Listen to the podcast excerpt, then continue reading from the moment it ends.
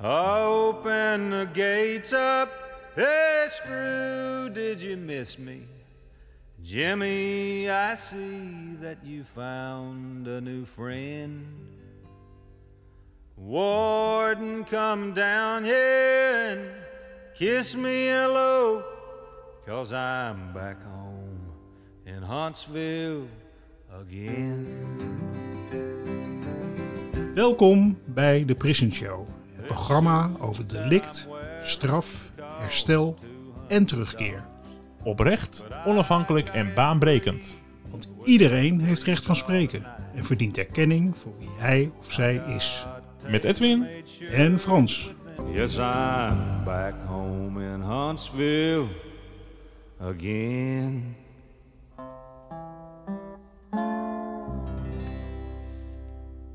Welkom bij een nieuwe editie van Prison Show Podcast. Elke vrijdag nieuwe afleveringen in je podcast-app.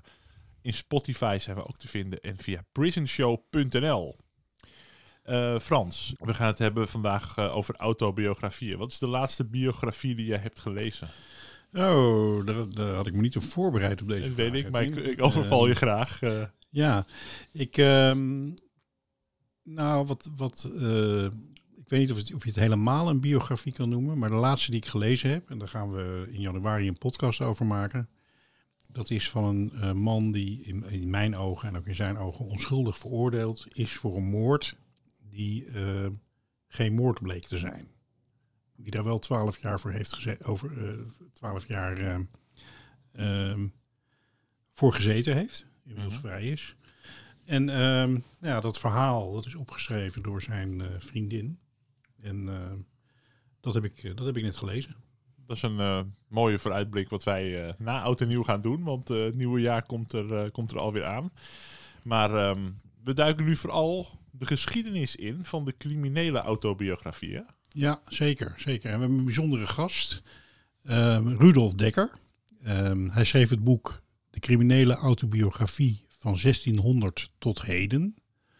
Ehm, Rudolf doseerde geschiedenis aan de Erasmus Universiteit en heeft het nodige gepubliceerd, onder andere over ego-documenten. En uiteraard zijn wij van de Prison Show zeer geïnteresseerd in dit onderwerp. We hebben namelijk eh, immers al heel wat eh, verhalen verzameld van mensen. Vooral van hen die met eh, justitie in aanraking zijn geweest. En die ook vaak daar een boek over hebben geschreven. Dus, ehm, nou ja, ehm, heel benieuwd wat, eh, wat Rudolf eh, ons, eh, ons kan leren vandaag. Eh, van harte welkom in de Prison Show, eh, Rudolf. Welkom. Ja, Vertel, eh, waar gaat je boek over en voor wie is het geschreven? ehm, ja, het boek gaat over eh, allerlei vormen van autobiografische teksten. Die geschreven zijn door misdadigers, criminelen. eh, maar ook wel door mensen die ten onrechte in de gevangenis hebben gezeten. En ook wel mensen die, eh, want ik kijk natuurlijk eh, vier, vijf eeuwen eh, terug naar het verleden. Die veroordeeld zijn wegens misdrijven die wij nu niet meer als misdrijf bestempelen. Vloeken bijvoorbeeld. ja, daar kon je tong voor worden afgesneden. Ja, En ja, dat, dat kan tegenwoordig niet meer gebeuren, gelukkig. nee. Dus dat, dat hele begrip criminaliteit, dat moet je meteen zeg maar, in een historisch perspectief eh, zetten. Precies, want je noemt Eh. het woord misdadiger, hè? Ja, Ehm, ja, iemand is, eh, is iemand in jouw ogen ook ehm, eh, een helemaal een misdadiger of is hij nog veel meer? Want het is, het klinkt een beetje als Boris Boef, hè? Als je zegt misdadiger. ja, ja zeker. Ja, ja, ja. ja het, het, mijn, mijn, ik ik heb gekeken naar mensen die veroordeeld zijn wegens een misdrijf. Ja. eh, ooit.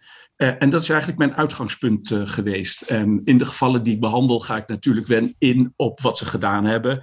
En ja, in de 20e eeuw bijvoorbeeld heb je een heleboel veroordeelde idealisten die uh, dienst weigerden. Ja, bijvoorbeeld. En uh, ja. in het begin van, van de vorige eeuw ging je dan zo uh, één, twee jaar de cel in. Ja. Te midden van wat we tegenwoordig dan de echte misdadigers zouden noemen. En die hebben daar veel over geschreven. Ja. ja. Um, dus ja, het, het, als historicus zie je toch grote verschillen tussen het verleden en het heden. Dus ook de hele ontwikkeling van het strafrecht heb ik ook wel mee moeten nemen. Ja, Eh, ja. Voor 1800 eh, werd je gestraft met een geesteling of eh, met een brandmerk. Als je geluk had, werd je Ja. niet opgehangen. Ja. Ja, wat daarvoor in de plaats is gekomen, is ook niet altijd even vrolijk geweest. En daar is ook heel veel discussie over. Dus Ja. dat, dat moet je bij zo'n historische beschouwing over wat er in die autobiografie staat. Ja, ik heb je boek, eh, ik heb je boek gelezen en het is inderdaad ver- heel, heel verhelderend en ook heel interessant om te zien ehm, wat in de loop van, de, van, die hele, van die eeuwen eigenlijk eh, beschouwd werd als crimineel gedrag. Daar zat ontzettend veel verandering in. En ook de, de behoefte die er kennelijk in de samenleving was eh, eh, naar de manier waarop om daarop te reageren. hè. Of men vond dat iemand gemarteld of opgesloten of anderszins bestraft moest worden. Dat veranderde ook heel erg in de loop der, Ja. van de tijd. Ja, dat, dat merk je ook heel duidelijk. Ik heb die autobiografieën eh, vooral gebruikt om na te gaan hoe de veroordeelden zelf tegen hun Ja. misdrijven aankeken, hoe ze hun gevangenisstraf eh, hebben ervaren, eh, eventueel ook over re- reïntegratie en problemen daarbij. En dus ik heb het vooral vanuit uit de persoonlijke en de subjectieve hoek bekeken. Ja, wat is een, Ehm. wat is een ego-document precies? En wat is Ja, een ego-document, dat is eigenlijk, kan je heel, zou ik heel breed definiëren als ieder, iedere tekst waarin iemand over zijn eigen leven eh, vertelt, eh, dan met name in de ik-vorm. Dus, Ja, eh, ja. En je hebt echt klassieke autobiografieën die, die echt literair zijn. ja, de standaard is bijvoorbeeld in Europa de, de autobiografie van Jean-Jacques Rousseau in de 18e eeuw. ja, en ja. Goethe heeft ook een autobiografie geschreven. Dat waren binnen de, de literaire kringen de grote voorbeelden natuurlijk. Ja. Maar daarbuiten zie je dat er vanaf de 19e eeuw werd er ook veel, veel geschreven door eh, mensen die eigenlijk niet wisten wie Rousseau of Goethe was. En dan kom je eh, bij, eh, bij hele andere groepen van mensen. En daar heb ik natuurlijk ook veel interesse voor. Eh, sommige van mijn autobiografen die hebben in de gevangenis leren schrijven bijvoorbeeld. Ja, ik, eh, ehm, ehm, een vriend van mij, eh, een van mijn beste vrienden, eh, Toon Walrijvers, waarmee ik de Stichting Herstel en Terugkeer heb opgericht. Ehm, die, eh, die heeft ook in de gevangenis lezen en schrijven geleerd. En ehm, eh, is later pas, eh, en die bleek heel erg intelligent te zijn. Dus hij heeft later ook nog cursussen Engels gedaan. En ik heb hem ook nog toespraken in het Engels zien houden. Ehm, ja, dat is, dat is heel bijzonder dat sommige mensen ook gewoon een leven geleid hebben waarin ze zich totaal niet hebben kunnen ontwikkelen en dat dan later in de gevangenis zijn gaan doen. Ja, dat, dat, dat merk je heel duidelijk eh, eh, wanneer je verder in het verleden kijkt ook. Ja. Ja. Ehm, kun je in het kort beschrijven, het hoeft niet zo heel kort hoor, maar we zijn, we zijn echt wel geïnteresseerd hoe dat gegaan is, hoe de criminele autobiografie zich heeft ontwikkeld vanaf 1600. Wat is de Ja. grote lijn die jij daarin ziet? Ja, ik, ja, ik probeer dus inderdaad het, het detail van de, de individuele veroordeelde eh, te verbinden met, eh, met die grote lijn van vier, vijf eeuwen. Ja. En dan begin ik eigenlijk in 1600. Daarvoor zijn er eigenlijk bij heel weinig memoires, autobiografieën en dergelijke geschreven. Dat is dan sowieso al iets heel zeldzaams. In de 17e eeuw zie je eigenlijk nog niet dat mensen die veroordeeld zijn zelf iets schrijven. Een paar uitzonderingen daar gelaten. Maar je ziet wel de opkomst van een eh, nieuw genre. En dat is de, de criminele biografie. Dat zijn dus een soort eh, ja, goedkope boekjes voor, voor echt een breder publiek. Waarin eh, als een, eh, een, een misdadiger veroordeeld en terecht is gesteld, dan werd er vaak een boekje geschreven. Het leven van die en die, zijn vreselijke misdrijven en de gruwelijke terechtstelling. Geheel verdiend natuurlijk. En dat werd soms al bij de plaats van de, van de terechtstelling verkocht. Hè. Dat werd heel snel gedrukt en dat was een, een commercieel genre. Maar ja. daar komen die boeven natuurlijk zelf nog niet aan het woord. Nee. En dat zie je veranderen rond 1700. En dan zie je dat uh, voor het eerst uh, uh, veroordeelden zelf iets gaan schrijven. en dan begint het eigenlijk met een paar meer ontwikkelde, eigenlijk witte criminelen. Die ja. soms hele uitvoerige schrift hebben gesteld. En, en één voorbeeld daarvan is een zekere uh, Franciscus Lievens Kersteman, die uh, heeft uh, bij elkaar wegens allerlei oplichterijen 20, 25 jaar in de gevangenis gezeten, maar is daar romans gaan schrijven. Mm. en die waren heel succesvol. En aan het eind van zijn leven heeft hij ook zijn eigen leven in twee delen beschreven. En ja. hij beschrijft ook helemaal precies hoe dat dan toeging in de gevangenis. Ja. Uh, dan zie je dus dat, dat voor het eerst. Uh, maar ook dan is het nog niet echt, uh, wordt dat nog niet op grote schaal gedaan. En de eerste dat je echt meer uh, de stem van de gevangenen hoort, dat is in de 19e eeuw. En dat is dan vaak via uh, predikanten. Mm-hmm. de, de, de lijfstraffen zijn afgeschaft uh, aan het begin van de 19e eeuw, bijna allemaal al, althans. Uh, de gevangenis is daarvoor in de plaats gekomen en aan die gevangenis, ja, daar worden dan predikanten, zielzorgers verbonden mm-hmm. en die gaan over hun gevangenis schrijven. En uh, vaak vanuit een soort idealistisch idee, uh, de, de, mens achter de gevangene. En ze streven ook vaak naar verbetering van de omstandigheden. En in die boeken over hun uh, gevangenisbezoeken laten ze ook heel vaak de gevangenen aan het woord. en soms hebben ze dan ook nog een, een woordenlijst met bargoens opgenomen. Ja, en ja. dat is natuurlijk, ja, dan heb je wel een soort, soort ghostwriter. Ja. zodat je die, de mensen hoor je nog niet heel erg direct. En dat ja. vind je pas in de 20e eeuw. En dan zie je dat uh, uh, sommige uh, misdadigers, een heel beroemd geval is, is een um, moordenaar een dief, van Muilwijk uit het begin van de 20e eeuw, die in zijn gevangenis zijn hele leven opschrift heeft gesteld. En dat dan met hulp van een vrij bekende Nederlandse literator zelf als in eigen beheer in, in delen heeft uitgegeven. Ja. En dat idee dat, dat gevangenen gewoon hun eigen verhaal kunnen vertellen, nou, dat zie je dan eigenlijk uh, in de jaren zestig in een stroomversnelling komen. Want de jaren zestig zijn natuurlijk een tijd uh, waarin uh, het ja, met alle normen gebroken wordt. En de tijd van Jan Kramer. en dan wordt, worden de mensen die in de gevangenis zitten, mensen die de wet hebben overgetreden, daar wordt, gaat dan anders tegenaan worden gekeken die hebben toch ook, uh, en zo presenteren ze zich dan zelf ook, ja, ze hebben hun horizon verbreed, ze hebben de ketens verbroken, ze hebben zich niet aan de burgerlijke normen gehouden. En ja, dan zijn ze ook het verkeerde pad opgegaan.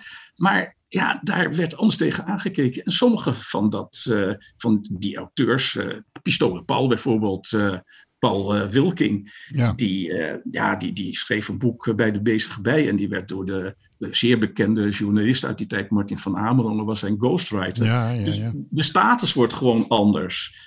En ja, dat proces dat zet zich tot op heden voort. En dan worden het ook bestsellers. Ja, nou had je, sommige. Nou had je vroeger um, uh, de oorzaken van criminaliteit, hè, daar, ehm, daar, daar kan je allerlei ideeën over hebben. Dat heeft ook heel erg met de tijd te maken. Hoe je daar tegenaan kijkt, de oorzaak van criminaliteit. En ja, uh, uh, het meest klassieke beeld uh, wat ik ken is eigenlijk de, de, iemand die vanuit armoede brood gaat stelen. Hè? Um, dus ja, je hebt honger en je bent arm en ja, je moet wel brood stelen. Is dat iets wat, wat in die autobiografieën naar voren komt? Ja, dat komt zeker wel naar voren hoor. En dan, dan, vooral in, in, vanaf de, de, ja, in, in, in de 19e eeuw krijg je echt uh, het idee dat, dat de jeugd geschetst wordt in die termen van, ja, wij konden nauwelijks aan eten komen en ik, ik moest wel, ja. een, een, voorbeeld daarvan is ook ehm, de, de, de, kinderen die kolen stalen in de, in de haven van Rotterdam die, die liepen dan met een zak in de kolenhaven rond en die, die mochten dan gruis rapen. Maar als ze dan ook kolen meenamen, dan waren ze in overtreding. Ja. En die omstandigheden waren heel, heel vaak erbarmelijk. Uh, en en uh, dat klopt, dat is wel een. Dat, dat je dan een soort begin van een criminele carrière hebt. door die sociale omstandigheden. Ja. Maar wat mij dus opviel is. Uh, en daar heb ik me ook in verdiept. In, in de discussie binnen de, de criminologie Ehm, dat je daar eh, natuurlijk het bekende de discussie hebt tussen de, de nature en nurture. Van eh, is het nu eh, aangeboren of komt het door de sociale omstandigheden? Ja. En ja, dat vond ik ook wel. dat is natuurlijk, heeft ook te maken met de manier waarop mensen naar zichzelf kijken en waarop de samenleving naar mensen kijkt. Ja. En de dominante beeld was rond 1900 nog van ja, dat je kon aan mensen hun uiterlijk vooruitstrevende kaak en zo. Uh, Lombroso, hè? Noem maar op. Hè, dan kun je al zien, ja, is iemand, zo iemand is crimineel. En dan zie je de, de rest van de 20e eeuw is natuurlijk veel meer de, de, de, de, de achterstanden, de, de wijken, de armoede. Uh, en, maar het grappige is, interessant is dat uh, die, die, zeg maar de, de biologische school, is sinds 2002 enorm in opmars. En dat, dat begon uh, eigenlijk, heeft een beetje valse start met, uh, met Wout, bekende criminoloog Wouter Buikhuizen. Ja, die ja. meende dat, uh, dat, de, de, de, sensi dat, ja, dat, dat de sensitiviteit van de huid en adrenaline en dergelijke zaken rechtstreeks tot crimineel gedrag leiden. En hij kon trouwens ook aan het schrift al zien dat mensen uh, van nature crimineel ja. waren. Ja. En dat is helemaal de klassieke school. Uh, hij werd enorm hij, verguisd hè, in Nederland. Hij is enorm verguisd. En, uh, maar het interessante is dat hij nu weer op het schild is gehezen. En in Leiden is hij gerehabiliteerd. En in uh, tijdschriften als De Groene en in Vrij Nederland wordt hij nu gezien als de briljante, maar miskende criminoloog. Terwijl als je zijn boekje leest, hij heeft nauwelijks iets gepubliceerd dan zitten daar ideeën in waarvan je denkt van hoe is het mogelijk dat deze man ooit serieus is genomen? Ja, ja, ja. ja. Maar het probleem is dat daarna kreeg je natuurlijk uh, de mensen die uh, in Nijmegen, aan de Universiteit van Nijmegen, het, uh, het, het criminele gen meende ontdekt te hebben. En Ja, daarmee ja. furoren maakte in de wetenschappelijke wereld. Uh, zodat het in, in Amerika is het nog steeds zo dat als in een proces uh, de advocaat uh, kan aantonen dat de cliënt dat bepaalde gen heeft, dat hij dan recht heeft op strafvermindering. Terwijl wetenschappelijk is dit totaal niet aangetoond. En een ander voorbeeld is dat natuurlijk tegenwoordig ook een bekend punt is op dit gebied. Uh, ja, Dick Swaap, die in de tijd, uh, Ja, dat was ja. al wel homoseksualiteit. Nou, daar kon je dus tot uh, 1800 kon je daar de doodstraf voor krijgen. Dus het werd ooit gezien als een strafbaar feit, op zijn minst. Maar Dick Swaap, directeur van het Herseninstituut in Amsterdam, die had 30 jaar geleden ontdekt het, de hersenkwap waardoor de, bij de geboorte al reeds bepaald werd of iemand al dan niet homoseksueel werd. Ja, ja. Dat is totaal niet geaccepteerd. Uh, maar Dick Swaap en zijn ideeën zijn uh, enorm populair. Hij publiceerde twee bestsellers. Ja. En dat zijn voor mij indicaties dat dat biologische denken gelinkt aan criminaliteit weer helemaal terug is. Ja. En dat is reuze gevaarlijk. Nou ja, uh, wat, wat voor oordeel je er ook over hebt. Hè?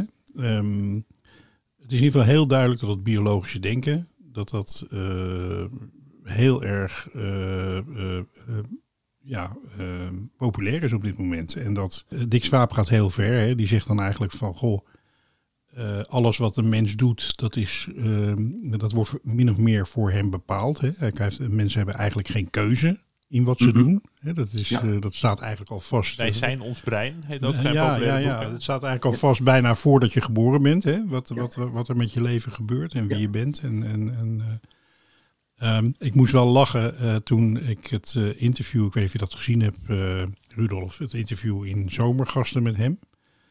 Een aantal jaren geleden. Ja, nee, ja, nee, ja dat, dat, nee, dat heb ik niet gezien. Nou, wat ik Lang geleden? Lang ja, geleden? wel een jaar of, eh, ik denk wel een jaar of eh, zes, zeven, acht geleden. Denk ik Oh, zo. ja, ja ik, dat is voordat ik me hier echt ben ingedoken. Ja, nou het interessante van hem was, en dat wil ik toch even vertellen, want dat is uh, wel grappig, is dat hij dus dat hele interview op allerlei manieren onderbouwde dat wij eigenlijk geen enkele keuze hebben en dat uh, alles gepredestineerd is, om het zo maar eens te zeggen. En hij, um, aan het eind van het interview zei hij van ja, maar ik zelf ga ervan uit dat ik wel een uh, keuze heb in alle dingen, want anders zou ik niet kunnen leven, zeg maar.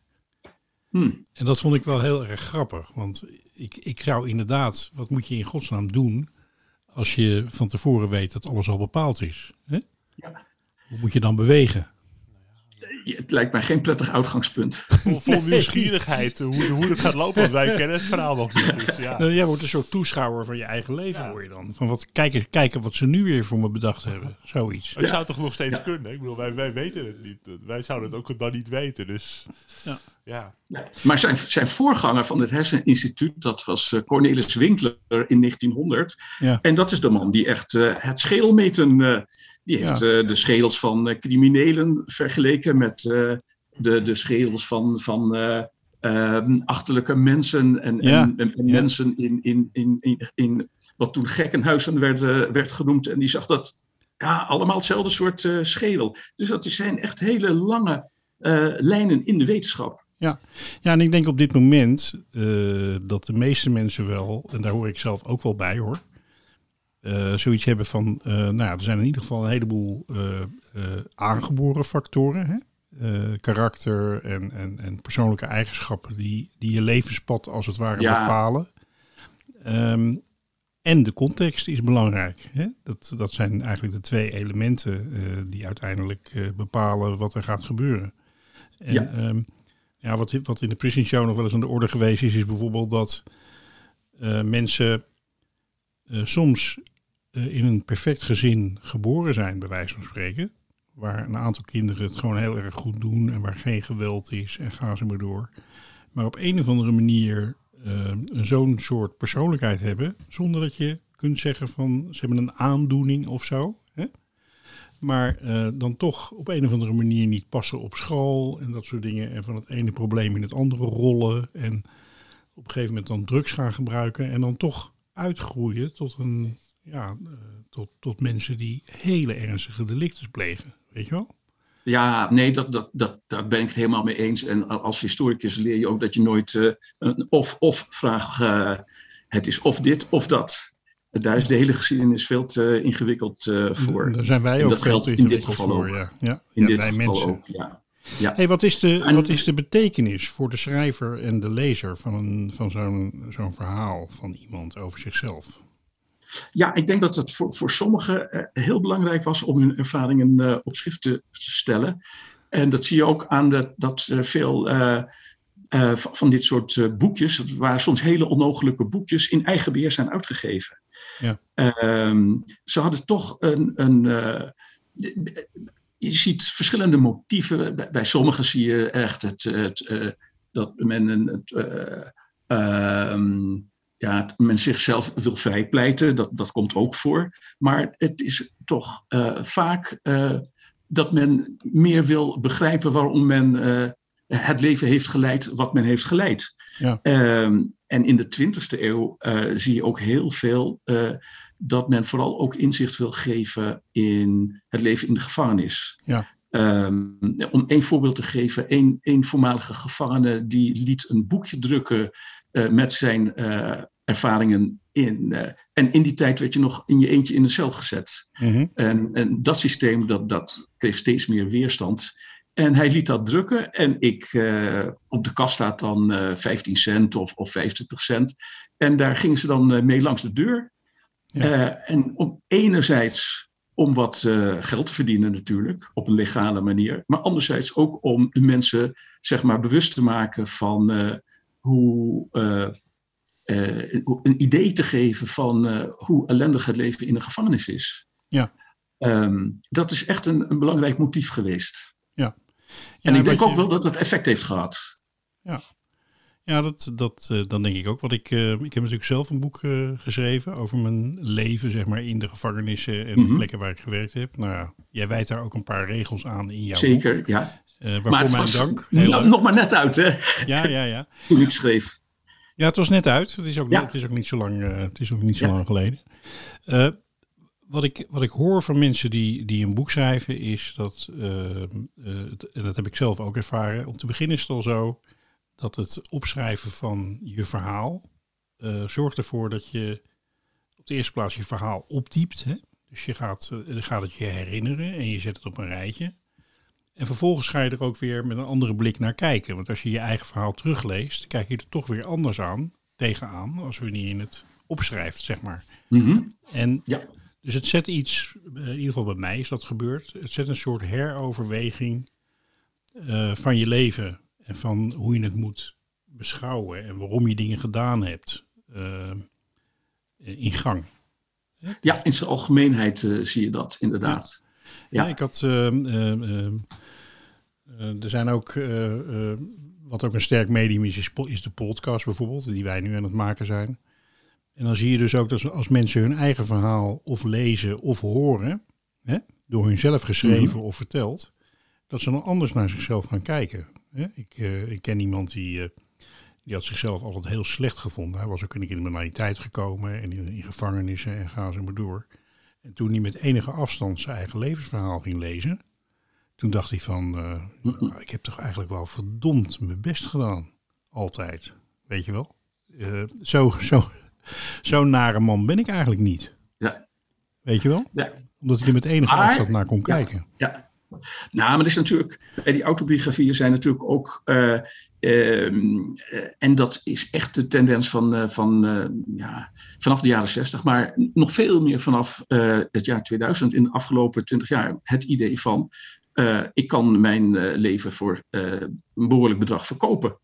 Hè, het, je ziet toch heel veel biografieën of autobiografieën van zeg maar de, de, de, de criminelen die tegenwoordig celebrities zijn geworden en die op de tv verschenen, die worden ook eh, aangezet door, door, door uitgevers, eh, die natuurlijk ook eh, de misdaad als profijtelijk hebben ontdekt, Ja. om hun levensverhaal te vertellen. En dat zijn natuurlijk ook levensverhalen die niet in de eerste plaats een soort zelfanalyse zijn, maar toch vooral een, een, een- smeuig verhaal waarin mensen zeg maar, eh, vanuit hun leunstoel ook een eh, criminele carrière kunnen meemaken. Zeker, zeker. Maar ik ken En dat vind ik wel eh, ik, ik, dat motief ken ik, hè? Want ik schrijf een boek over mijn leven en dan kan ik dat verkopen en dan kan ik daar misschien geld mee verdienen.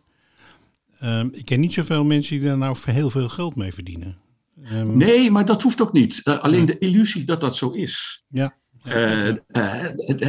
Ik denk dat heel veel criminelen ook niet zo heel veel geld met hun criminaliteit, met de kleine criminaliteit hebben verdiend. Ik weet het niet. Maar eh, eh, als je eenmaal het idee hebt van, eh, ja, net als als je een, een, een hit in, in de muziek hebt, dan, dan kan je ook miljonair worden. Maar ja, hoeveel lukt dat? Dat Ja, weerhoudt ja. niemand om het niet te proberen. Ja. En ja, bij sommige boeken. die- Hoe, die- hoe weet je dat? Of iemand, want mensen zeggen tegen, tegen mij vaak van ik heb het boek geschreven zodat andere mensen daar eh, kennis van kunnen nemen en misschien eh, bepaalde fouten bij zichzelf kunnen voorkomen. Die kunnen daar wat van leren. Hè? Dus een, een soort ideeel motief. Hè? Ehm, Ja, dat, is, dat komt ook voor, maar ik zie toch meer. eh, en, en, en het groot eh, startpunt is volgens mij eh, AGM, ja, de beroemde meesterkraker, die Ja. ook zo wordt aangekondigd. Eh, een thermische eh, lans. mijn nachten met de thermische lans. Ja, ja. En ja, dat is een eh, vo- volkomen eh, een echt eh, glamour verhaal. het ene succes naar het andere. Ik heb het gelezen en er zit ook nog een soort van porno in. Ja, Ik weet niet of jij het gelezen hebt, maar het, nou, ik heb die dingen meestal in een heel hoog tempo gelezen. Ja, ja, nou in ieder geval, mijn, ik, ik kon niet voorbij de porno, want hij maakte er ook allerlei avonturen mee. die in dat boek Ja, beschreven. ja, ja, ja.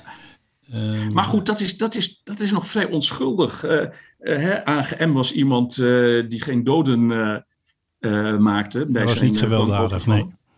Nee. Maar eh, tegenwoordig eh, is de, de criminaliteit zelf natuurlijk ook enorm veranderd. Ja. Eh, en zodat je dus ook hele andere boeken krijgt. En er zijn eh, uitgeverijen die gespecialiseerd zijn in het genre, zoals eh, eh, Just Publishers. Ja, ja, ja. Met, Ja. met 40, 50 boeken eh, op, op het repertoire. Ja, ik lees, Eh, ik lees regelmatig boeken van, ook van misdaadjournalisten natuurlijk, over, eh, over, eh, over criminelen. Ja. Ehm, eh, kun jij een, heb jij een voorbeeld naast AGM van iemand die, waarvan je denkt van nou, dat is echt een verhaal wat, wat, wat geschreven is om er geld mee te verdienen? Ehm, nou, ik, ik denk dat er veel voorbeelden zijn waar de intentie om er geld mee te verdienen eh, eh, bestaat. En ja, de, de trilogie van eh, de zus van Willem Holleder natuurlijk. Hoe kijk je daar tegenaan? Het is nog wel een biografie, annex autobiografie. dat is in, in, in, twee talen vertaald, in het Engels. En ehm, ja, dat, er is ongetwijfeld meer, alleen kan ik ze nu niet uh, uit mijn mouw schudden, moet ik zeggen. Het is op zich wel een mooi voorbeeld in de zin van dat, dat het wel boeken zijn die ook echt een bestseller geworden zijn. En, ja. Ehm, eh, en je ziet ook dat, dat uh, ik ken wel wat je zegt hoor. Ik zie wel dat het ook gewoon een business is en ook een genre wat, wat mensen graag willen lezen, zeg maar. Ja, ja en je, maar je kan je ook afvragen, wat wat mij dus fascineert, ik ben natuurlijk historicus, dus, en eigenlijk ben ik uh, uh, meer een specialist in de 17e eeuw. Mhm. Maar uh, het, de ontwikkeling naar, naar de, de, onze eigen tijd, waarin je ziet dat de uh, televisie een enorme belangrijke rol is gaan spelen. Mhm. voor het eerst zie je ook dat uh, veroordeelden hun verhaal op de televisie mogen doen. En dat, voor het eerst was dat eh, bij Sonja Barend en Willem Duis. Dat zijn toch al mensen uit een ver verleden. Maar tegenwoordig. en nu geldt dat ook voor advocaten en misdaadjournalisten. Uh, ik, ik, geloof niet dat er ook maar één talkshow is waar niet tenminste één van deze drie categorieën aanschuift. Ja. En dat is een soort merkwaardig uh, celebrity circus geworden. En ook die advocaten, dus, dus, dat heet tegenwoordig strafpleiters. Ja. Vroeger heette dat geloof ik niet zo, maar tegenwoordig heet strafpleiters. Ja, die publiceren ook de ene autobiografie naar de andere. En uh, dat geldt trouwens ook voor misdaadjournalisten. Uh, um, Peter R. de Vries heeft ooit zijn jeugdherinneringen uh, gepubliceerd, bijvoorbeeld. Maar hij heeft ook heel ehm, veel boeken geschreven, ook over. Uh, over ehm, ja, maar dat is echt puur autobiografisch, hè, over zijn jeugd. Ja, ja, oké. en hij heeft natuurlijk ja, enorm de, de, de, de, de, meest gepubliceerde en, en misdaadjournalist in Nederland, uiteraard, in deze tijd. Ja. Maar eh, de manier waarop uh, deze drie categorieën tegenwoordig helemaal door elkaar lopen, uh, dat eh, is wel een nieuwe situatie. Ja. en het feit dat ze dus al, allemaal autobiografieën, die eigenlijk toch meer een soort zelfrepresentatie zijn van, dat zijn geen boeken waarvan mensen hun eigen fouten of hun misstappen bekennen. Integendeel, je krijgt een soort uh, beeld uh, van de misdaad, wat volgens mij ook amper met de werkelijkheid uh, overeenkomt uit dit soort boeken. Draagt bij aan de mythevorming. Ja, zegt u. Ja, mythevorming, absoluut. Maar ook van waar, waar is de grens tussen de ghostwriter en de crimineel? In, in, hoeverre overlapt dat op een gegeven moment? Ja. Er zijn journalisten veroordeeld omdat ze allerlei hand- en spandiensten aan de door hun gebiografeerde criminelen berichten. Uh, dus die, die grenzen zijn wat mij betreft een beetje te vloeiend uh, geworden. Ja, nee, dat, dat is heel herkenbaar. Ik, uh, er zijn een aantal, het verhaal zeg maar, hè, het narratief om het zo maar te zeggen. Dat, dat, dat zie je op allerlei manieren opduiken in de media en, en, en de, door het schrijven van boeken en dat soort dingen. En dat, dat varieert een beetje van aan de ene kant uh, het beeld wat jij beschrijft, van dat er uh, mensen uh, hun verhaal vertellen om, daar om het te kunnen verkopen of zichzelf te exposeren of vaak met een geromantiseerd beeld van hun leven, zeg maar. Hè? Dat ze zich graag op een bepaalde manier willen mm -hmm. voordoen of dat de biograaf hen op een bepaalde manier wil neerzetten naar de samenleving toe. Um, tot en met mensen die uh, wel degelijk echt een, een, serieuze poging doen om uh, de werkelijkheid waarin zij verkeerd hebben over te brengen naar, uh, naar de buitenwereld. Hè? Met de bedoeling ja. om, om daar ook ja, gewoon de, iets te doen aan de beeldvorming, om het zo maar te zeggen. Ja, ja, ja. ja daar, daar geef ik ook wel echt aangrijpende voorbeelden van. en dan met name uit de 20e eeuw. Ehm, uh, mensen die echt heel, heel uitvoerig over hun omstandigheden schrijven. En dat, dat, uh, dat zijn boeken waar je absoluut niet vrolijk van wordt. Uh, maar om, om, als ik nog even weer terug mag grijpen op de lange termijn ontwikkelingen. Ehm, want omdat we nu ook over mythevorming hadden. Ik heb dus ook gekeken van eh, voor 1600 zie je eigenlijk geen criminelen die over zichzelf uh, schrijven. Uh, maar je hebt natuurlijk wel misdaadverhalen. Je hebt de mythe van Blauwbaard, heb je, je hebt Tel Uilenspiegel. je hebt al, als, als, het ware al een paar stereotype patronen die tot in de middeleeuwen teruggaan. Ja. En het grappige is dat sommige van die kenmerken van die verhalen, die planten zich weer voort in, in de romans van de 17e en 18e eeuw. En dat werkt zelfs door tot in de detective roman, later de thriller en tot op heden. En wat, ik, wat mij opviel is dat er. Uh, uh, uh, Tel Uispiegel is dan het voorbeeld van, van de, de, humor, de, de, de misdadiger. Het zijn allemaal niet zulke hele erge misdaden, maar die vooral ook een grappenmaker is. Ja. En die link tussen humor en criminaliteit, dat is eigenlijk de hele permanente. En uh, dat zie je ook bij. Van ja, dat, die opmerking hoor je dan heel, heel vaak, vind je heel vaak terug van. Ja, het is natuurlijk wel, wel, wel, een boef, maar hij is ook wel heel erg geestig. Ja, en ja. dat is dan vaak ook de, de typisch Amsterdamse humor. en dat, dat vind ik op zichzelf wel, wel, wel interessant. Ja. in zekere zin is humor ook een soort overschrijden van grenzen en omdraaien van dingen vaak. Het is een bijzondere behoefte. Hè? Als je bijvoorbeeld kijk naar Willem Holleder. Hè? Eh, ik denk dat iedereen het, eh, het, lachen wel een beetje vergaan is met, met Willem, zeg maar. Uh, gegeven de, de bio, de, het verhaal van zijn, uh, van zijn zus en uh, de boeken en, en, en het, het, proces en wat daar naar boven gekomen is. Maar er is er ook even een periode geweest dat hij bij college tour zat. Hè? En ja. Ehm, dat er toch een soort van. Uh, Wat is het toch een boefje, hè? Ja, en een beetje een romantisch beeld van uh, ja, de, de, de crimineel van Nederland en allemaal dat soort dingen. Een soort ja, heel bijzondere projectie was dat. Ja. In feite. Ja. ja. Overigens zie je dat ook. Uh, wat ook interessant is, dat je een omslag ziet in de kinderliteratuur. in de 19e eeuw is het altijd de brave Hendrik. En als iemand een, in de gedichtjes van Hieronymus van Alphen een, een, een, een persik of een pruim uit de boom, hè, van, dan, dan is daar een gedichtje over, dat mag niet. En deze jongen heeft toch wel iets heel ergs gedaan. Ja. En dan in 1900, dat is de tijd waar, vlak na 1900 publiceert Brusse zijn roman Boefje. Mhm. die eigenlijk autobiografisch is, want het gaat over zijn verhaal hoe hij een uh, klein, uh, hoe hij een jongetje dat op het verkeerde pad raakt in Rotterdam uh, helpt en dan toch van de misdaad weg kan houden. Um, en dan zie je een nieuw type held in de, in de kinderboeken. En dat zijn het Pietje Bel type. Van de, de qua jongen, de straatjongen, maar wel met een gouden hart. Ja. En dat, een hele, dat vind ik ook wel een hele typerende omslag. Dat daar dan toch een, de, de, basis legt voor een andere houding tegenover. ja,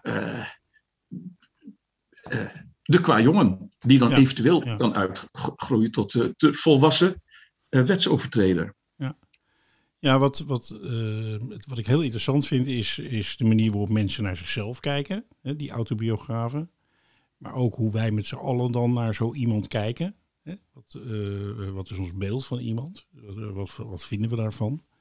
Mm-hmm. En um, de rol die, uh, die dat speelt in, uh, in de samenleving. Hè? Want op het moment mm-hmm. dat iemand de samenleving eigenlijk vindt dat iemand verkeerd is, om het zo maar te zeggen.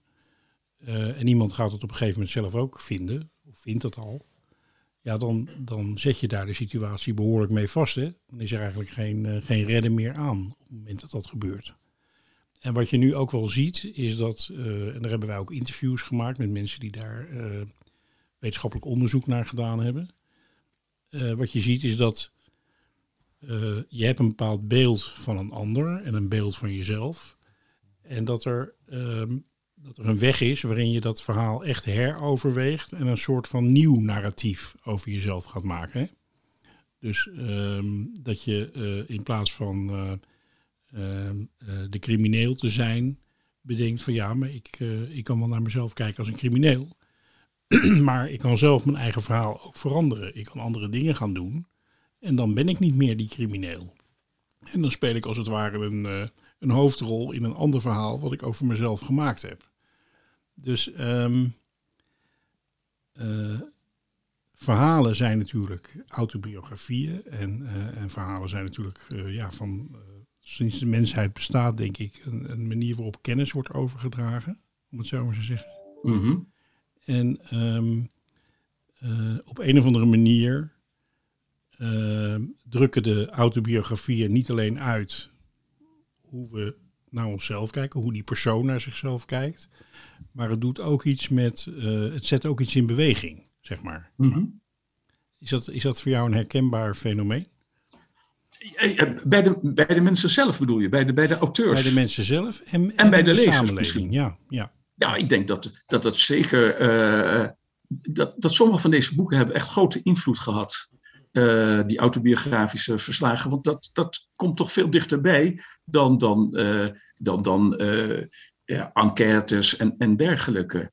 Ja. En een, een paar van de boeken die ik bekeken heb, daarvan kan je zeggen van die hebben echt bijgedragen tot, tot de afschaffing van die, van die opsluiting, waarbij men de ander niet mocht zien met, met een doek voor je hoofd met twee kijkgaten erin.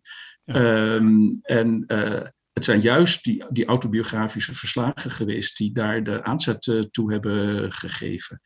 Ehm, ja, dat, dat is absoluut, eh, dat, dat is zeker zo. En op zichzelf vind ik het ook een interessant detail dat eh, in de Tweede Wereldoorlog werden natuurlijk een heleboel eh verzetstrijders gevangen gezet. En die hebben na de oorlog weer hun verhalen over de gevangenistijd, met name in het Oranje Hotel, eh, op schrift gezet. Ja. Eh, en dat ging natuurlijk niet. eh, dat waren geen gevangenisverhalen zoals die eh, voor en na de oorlog werden geschreven. Maar het, die verhalen gaven wel een idee van wat het is om in de gevangenis te zitten. Geschreven door mensen die normaal gesproken nooit van hun leven in de gevangenis zouden zijn gekomen. En eh, daar zijn er echt tientallen van dat soort verslagen in 45, 46, 47 geschreven. En ik heb de indruk dat ook dat heeft bijgedragen tot eh, dat, dat zoveel mensen de gevangenis op een andere manier van binnen hebben gezien. Sterker nog, Tot ehm, het eh, nadenken over het verbeteren van het, eh, de manier waarop eh gevangenis eh, Ja. eh, werkten. eh. Sterker nog, ehm, ik ben eigenlijk eh, eh, eh, opgegroeid, zeg maar, in mijn werkende bestaan. Eh, vanuit de gedachte dat eh, de grote verandering in Nederland, eh, de humanisering zeg maar, van het gevangeniswezen, dat dat echt voor een belangrijk deel kwam door het feit dat hoogwaardigheidsbekleders en mensen die later in allerlei posities terechtkwamen in de gevangenis hadden gezeten in de oorlog. Dat wordt echt aangeduid als een belangrijke oorzaak van de humanisering na de Tweede Wereldoorlog. Ah, ja, oké. Ja. En dat is natuurlijk wel overgenomen door eh, en onderzocht door eh, criminologen. Hè? Dus eh, met name de, de, professor Pompen en dat soort mensen. Hè? Dus die echt voor de moder- modernisering van het gevangeniswezen en van het strafrecht stonden. De persoon van de verdachte die belangrijk werd. Maar inderdaad, eh, die verhalen hebben toch echt wel, denk ik, een hele Ja, belangrijke rol dat gespeeld. bevestigt dat idee, inderdaad. Ja, Ja, ja, ja. ja.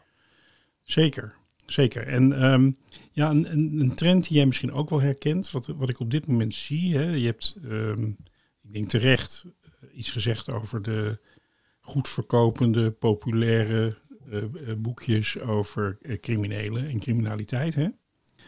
Ehm, maar langzamerhand begint er ook zoiets op te komen van ehm, eh, eh, eh, biografieën die een educatief karakter hebben, die een soort eh, ehm, ja, die, die, die mensen eh, echt eh, meer begrip willen laten krijgen voor eh, wat er precies gebeurt in de gevangenis, zeg maar. En wat er Hmm. precies gebeurt in het leven van iemand die op een gegeven moment eh, eh, eh, delicten gaat plegen. Ja. Dat zie je zowel op de televisie als in, in boeken. Hè? Dat mensen gewoon ehm, iets willen doen aan die beeldvorming. En dat lijkt op een of andere manier wel een beetje op wat er dan eh, na de Tweede Wereld gebeurd is. Tweede Wereldoorlog gebeurd is met mensen die eh, in, toen in de gevangenis hadden gezeten. Hè? Die dan eigenlijk ook eh, Ja. uitleggen van goh, ehm, je kijkt er van buiten op een bepaalde manier tegenaan. Maar als je er echt in zit, dan ziet het er toch heel anders uit. Zeg maar. Ah, Dat. ja, dat, ja, dat zou dan een parallel zijn met, met die ontwikkeling die zich een eeuw geleden heeft voorgedaan. Ja, Ja, ik geloof dat graag. Ik weet het, ik Ja. weet het niet zeker. Nou, het zou heel goed kunnen. Ja. Maar ik, ik hoop heel erg dat we, dat we, dat we echt eh, met z'n allen dan, onder andere via die weg, dan echt gaan proberen om echt eh, eh, de context te snappen van mensen die, ehm, ja, die, die we nu verguizen, zeg maar. En die we als, als criminelen die van een andere planeet afkomen, die eigenlijk niet bij ons horen, zeg maar ja. ehm, weg, weg eh, gaan zetten. Ja.